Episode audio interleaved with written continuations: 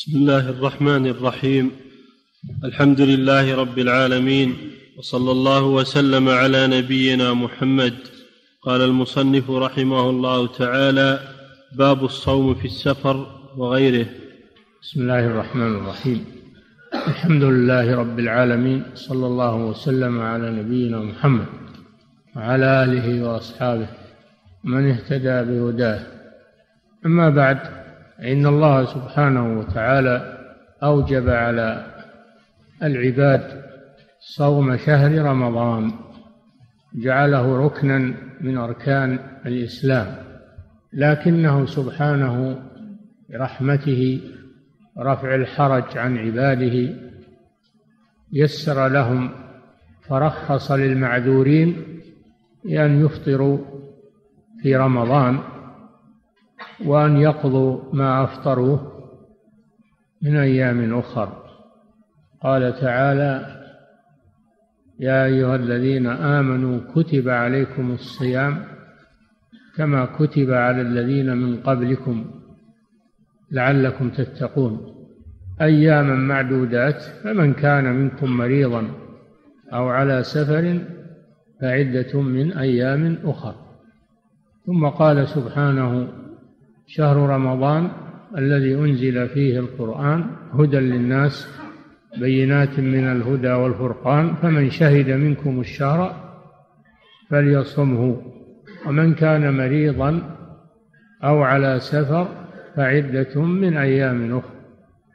فرخص للمسافر ورخص للمريض أن يفطر في رمضان. وأن يقضي ما أفطراه بعدد الأيام من أيام أخرى. وهذا هو الذي عقد المصنف رحمه الله هذا الباب من أجله. فقال باب الصوم في السفر وغيره. ما علمنا من الآيات أن الله رخص للمسافر وللمريض ولأصحاب الأعذار الذين يشق عليهم الصيام في حالة العذر العذر بين الشيخ رحمه الله هذه الترجمة أن هناك أحاديث تدل على أن المعذور إذا صام فإن صومه يصح إن أخذ بالرخصة وأفطر فله ذلك وإن صام مع وجود العذر صومه صحيح عند جمهور أهل العلم لهذا قال باب الصوم في السفر وغيره. نعم. عن عائشة رضي الله عنها أن حمزة بن عمرو الأسلمي قال للنبي صلى الله عليه وسلم أصوم في السفر وكان كثير الصيام. قال إن شئت فصم وإن شئت فأفطر. نعم هذا حمزة بن عمرو الأسلمي رضي الله عنه.